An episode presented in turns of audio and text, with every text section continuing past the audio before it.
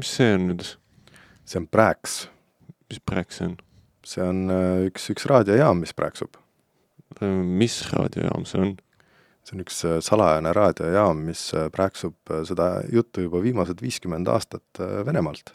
aga miks me sellest raadiojaamast üldse räägime täna? me räägime sellest raadiojaamast täna sellepärast, et meil tuleb pikem intervjuu Äh, meil tuleb pikem intervjuu niisuguse inimesega nagu Andrus Aaslaid ja tema räägib meile, meile sellest, äh, sellest raadiojaamast juba pikemalt.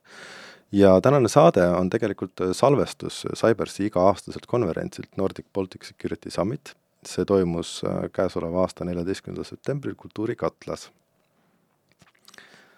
meil oli kohal umbes nelisada seitsekümmend inimest Äh, sessioone ja kõnelejaid oli palju ja, ja meil oli siis äh, Siimuga koos eriline äh, roll selles mängida. Meie jah, kandsime siis podcast'i track'i, mis oli niisugune eraldi lava moodi asi siis seal. ja, ja seekordne salvestus on siis pärit Nordic Security Summiti podcast'i track'ilt ja kuna külalised olid valdavas osas rahvusvahelised meil, siis, siis seekordne osa ka seetõttu salvestatud inglise keeles mm. -hmm. ja siinkohal me siis hakkamegi jagama neid, neid sessioone, mis seal, mis seal olid.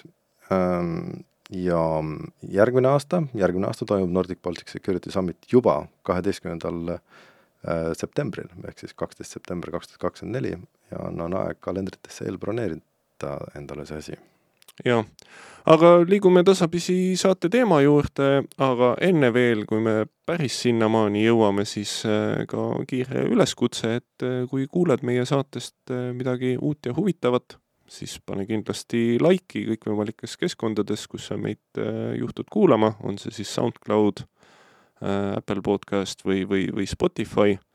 Ja, ja räägi lihtsalt ka niisama sõpradele, et kuulake küberkäesti ja ja jagage meid siis kõikvõimalikes sotsiaalme-, sotsiaalmeediakanalites. ja järgmine aasta siis äh, Kultuurikatlasse Nordic Baltic Security Summitis, meeldivat kuulamist! meeldivat kuulamist! Welcome to the Cybercast track. So uh, me and Ronnie have been doing the podcast thingy for quite some time and decided... From the beginning of the year. From the beginning of the year.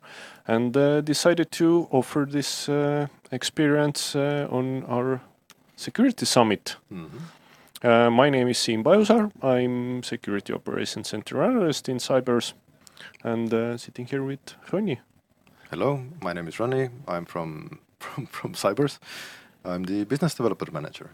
So, our podcast track's first session topic is a public secret that has internationally gotten the name of UVB 76 or nicknamed as the buzzer if you have clicked on your on the earphones before we went into air, you, then you must have noticed a buzzing sound coming from them. Yes, that is the buzzer.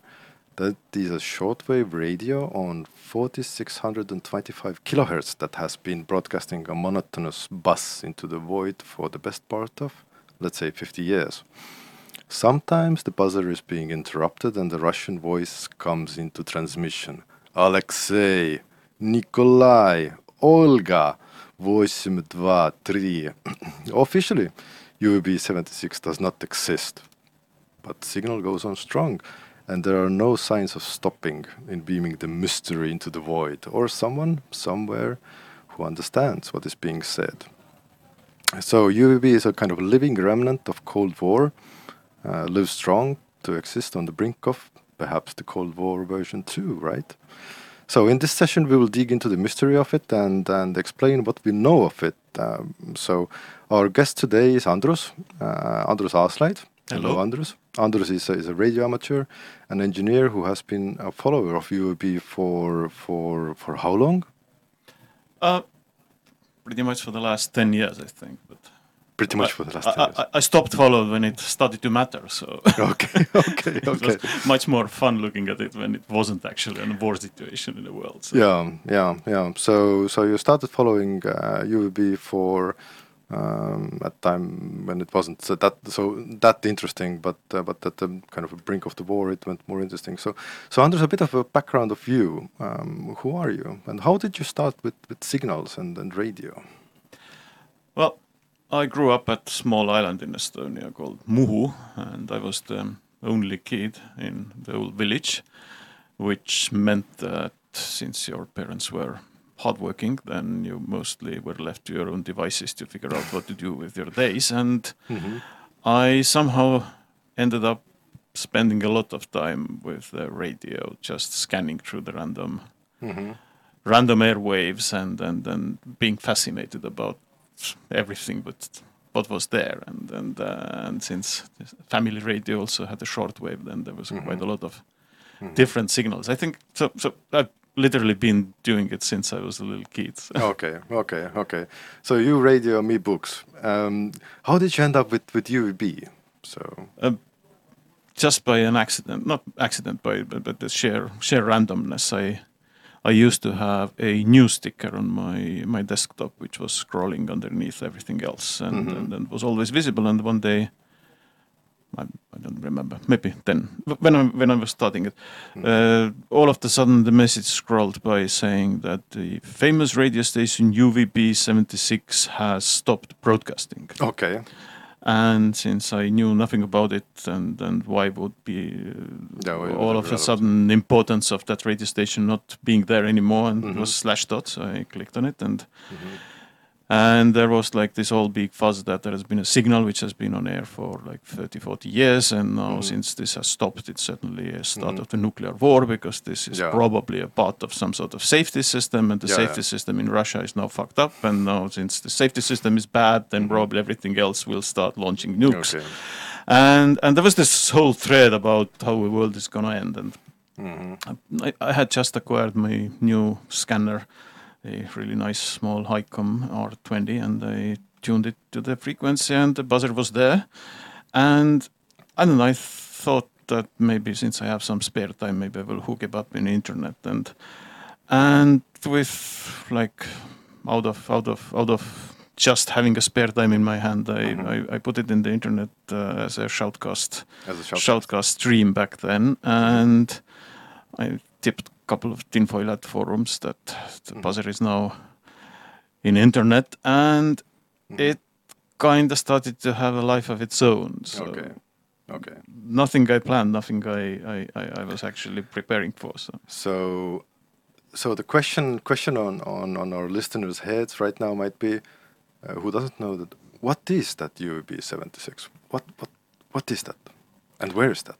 Yeah, well, that was my question as well. That why all of a sudden people think it's an important thing, and apparently. Uh, well, it's a radio station operating Yeah. in the shortwave. Mhm. Uh, for the one we, which which ones we don't know what shortwave is, then there are different radio radio bands, Mhm. and the shortwave is basically a lower frequency band by today's Yeah. standards. It Yeah. used to be it used to be quite high frequency back in 50s and 60s, Yeah. and uh, and it's a it's a radio station Mhm. which emits the sounds which what what what you aired before the podcast started, basically Yeah. like eh, eh. and there wouldn't be anything maybe particularly interesting about it if it wouldn't have done it for the last almost 50 years Yeah. which means that somebody somewhere has maintained an equipment and used a rather huge amount of electricity Yes. and and human resources and and other resources To keep it alive. to keep this eh, happening consistently throughout all the power shifts, throughout all the turmoils, throughout Yeah. all the everything which has gone on in Russia, Yeah. basically consistently, which means that somebody must think it is rather important to have that there. Yeah. And, and and I think this is what fuels this whole enigma about it. That uh, Mhm.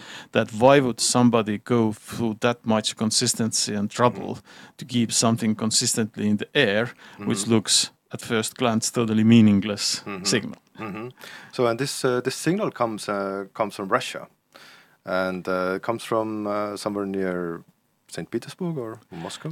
Uh, well, it was coming from the different locations earlier because Mhm. um, today we can say with quite high confidence that Mhm. this station is part of Russian military structure. Not that it was it was unknown earlier, but uh, but but before that it was pretty much a wild guess until until the station moved from its previous location in Povarovo next to Moscow to the to the new um, uh, location. Actually, two new locations. One one next to Pihkva and one next to uh, St. Petersburg or north of St. Petersburg, and uh, and then people were actually squatting or raiding or, or, or, or entering to these old abandoned military premises, finding the station logs and stuff like that. And, Yeah, and, and first time confirmed firsthand where it was actually located and, and that, that the station was really there.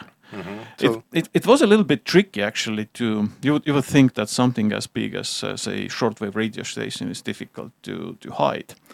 Uh, but it was a little bit of a of a trick to to locate it correctly because the the how it radiates the signals is not exactly that it will spread it around evenly it was mostly sending it upwards directly which means that it was a little bit difficult to locate and triangulate properly. But uh, but yeah, well, people have been doing it, and now it's confirmed on the several sites. So. Have Russians like uh, officially acknowledged the existence of the UVB? Uh, I think the definition of the military secret is that you will not acknowledge it uh, officially, and then they've been very good at not doing it, despite of uh, of everything. Uh, even the soldiers or or or, or, mm, or the people who have worked with it are very tight-lipped about it actually in Russian forums, which is which is surprising because most of the time people are bragging that yes, I did this, I did that. There is quite limited amount of information about it even in Russian military forums. So uh, so it's it's it's not a secret, but the details are well hidden. So. yeah, yeah, yeah. So who understands the content of messages that, that are being transmitted, and who is receiving them? Um, well, that's anybody's guess as well. Today we can pretty much say that these messages what uh, well let's let's start what the station does. So the station normally idles on this buzzing sound, Yes. and and this is officially called as a channel marker. And the channel marker is basically that if we have a frequency allocated for us, mm-hmm. Russian government has decided that okay, this frequency belongs to that military station, then of course there would be international conventions, but mm-hmm. the international conventions don't apply to military, which means that you can end up with having another military station from China or, or, mm-hmm. or God knows mm-hmm. where entering to the same frequency, and then you have a problem.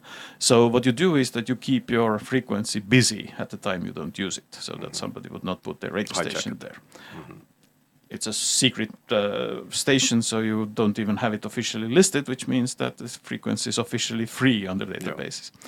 So you keep a channel marker, and this is your buzzing sound.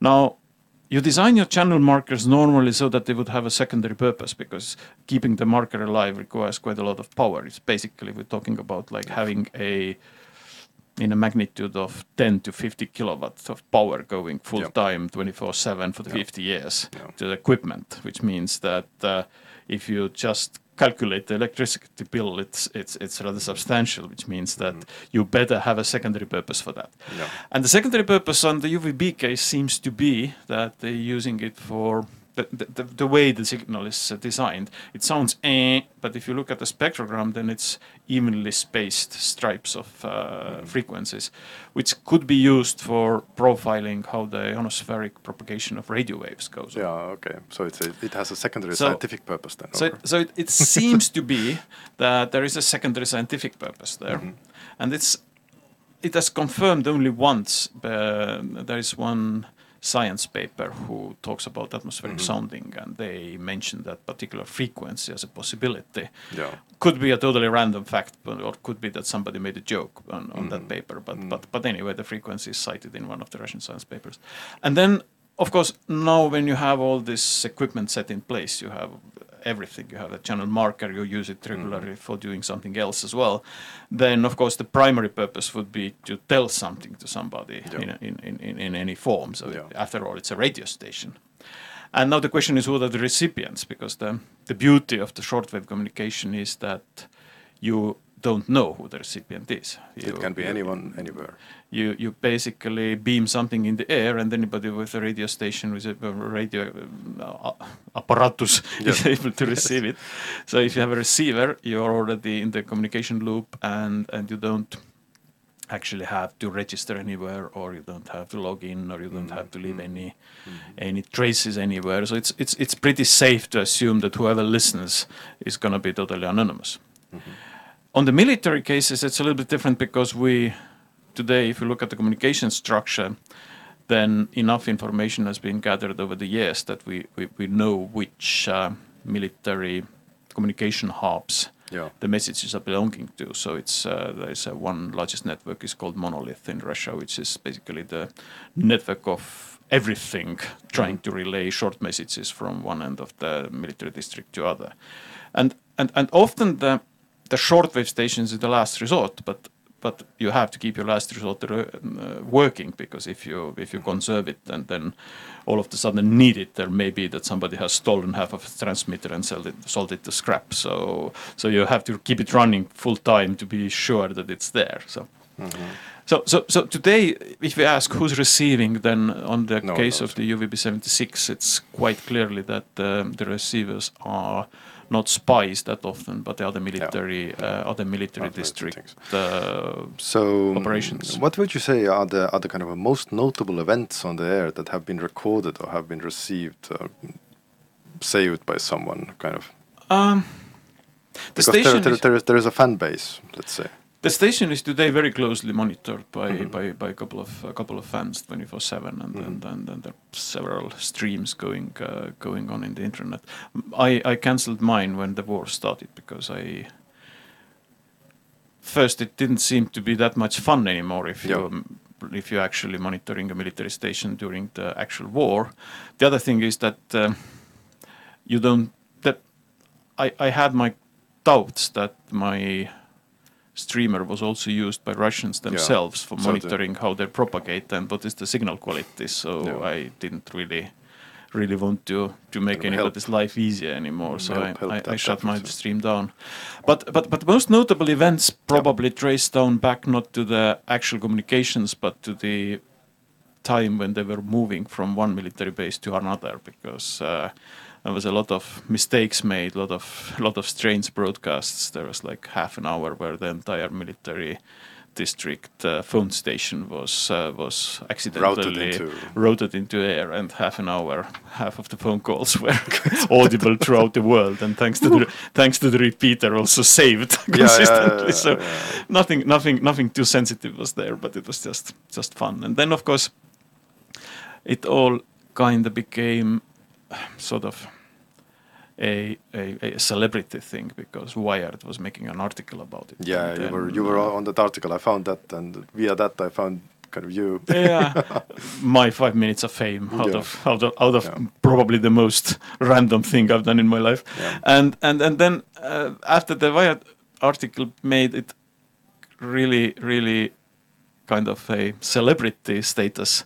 Of course, the Russians knew it themselves, so they they started having fun with it, Mhm. uh, airing airing Tchaikovsky's Yeah, uh, Swan Swan Swan Dance of the Little Swan as a Mm-hmm. as a test sequence and, and, and stuff like that. So I, I Mhm. think we enjoyed it back the back back ten years. We enjoyed it like on both sides. So. Mm, okay, okay. So um, uh, there was also there was also uh, a case of reverse SSB we we talked earlier, but uh, someone else was hijacking the. Yes. Um, I think in Wikipedia, I was, I was at some point writing that this is probably the first recorded case of the shortwave graffiti on the air.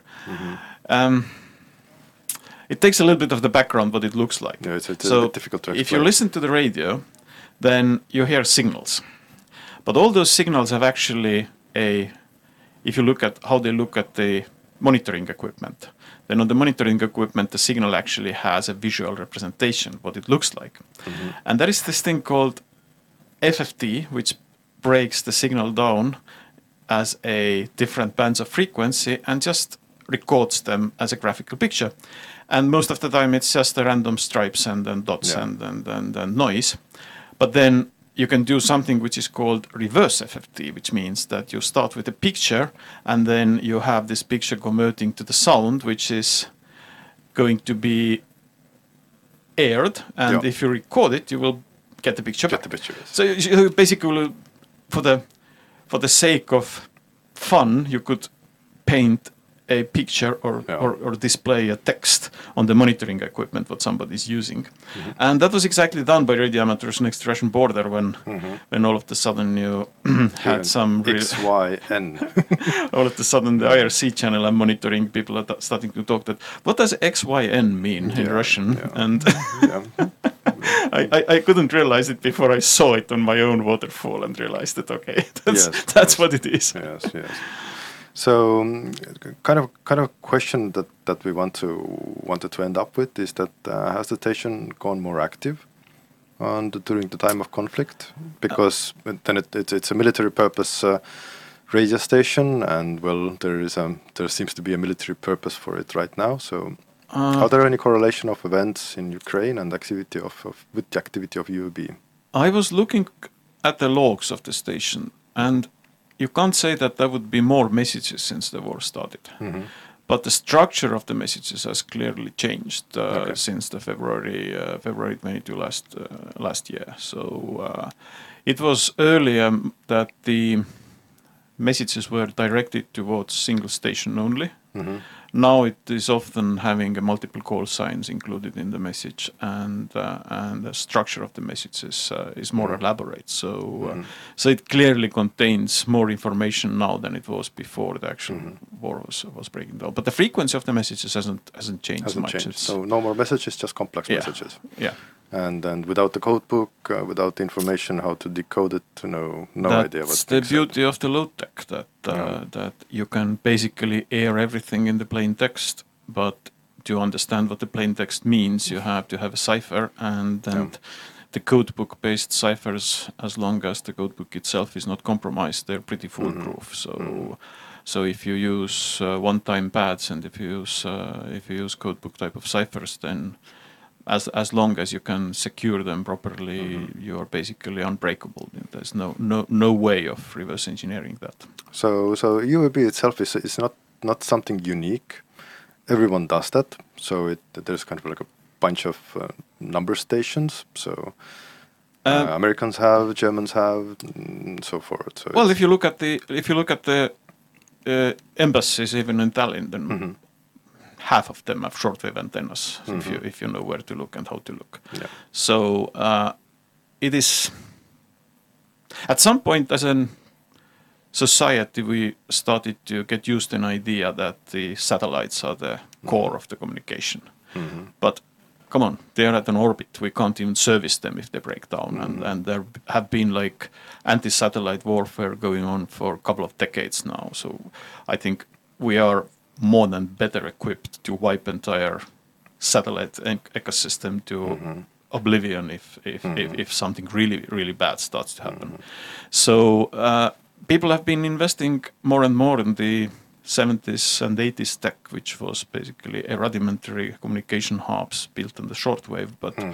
but they are foolproof. They they they work. They they, they don't have much bandwidth, Mhm. but for short messages, which are often the the core of the command, that's uh, that, that, that's what they That's what work excellent. excellent. They have time time proven and uh, and that such. So just to follow follow to my to my last question is that uh, well we are on a cyber conference and we're talking about cyber security.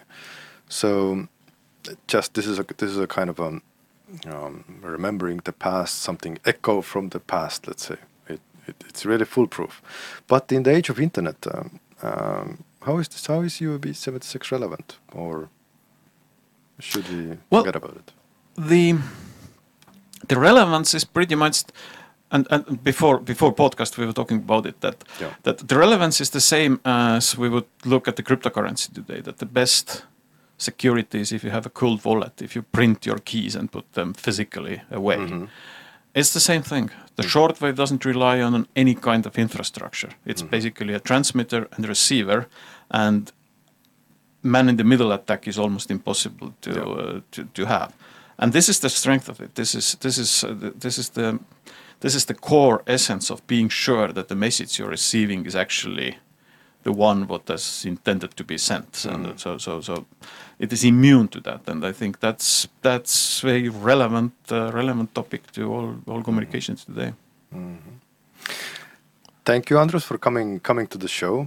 Uh, this is uh, this is really really interesting, uh, really interesting topic, and we can talk about this whole day long. I would, I was also what what just ah okay, and um, uh, please enjoy the rest of the security summit here in here in Kultuurikate. And thank you for having me. ja nüüd olemegi tagasi stuudios, kuulasite salvestust äh, neljateistkümnendal septembril toimunud Nordic Baltic Security Summitilt, selline ta oli selline ta oli. ja ega pikka juttu meil vist eh, siia otsa panna ei ole.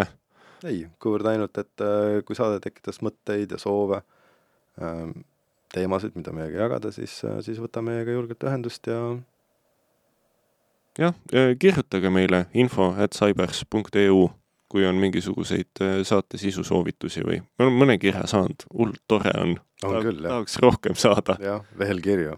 või eh, võib meile siis eh, jah, Facebooki või, või, või LinkedIni või muudeid kanaleid pidi ka siis meiega ühendust võtta. mm. -hmm. uus küberkäest äh, hiljemalt äh, kahe nädala pärast. just, ja kuulmiseni! Kuulmiseni!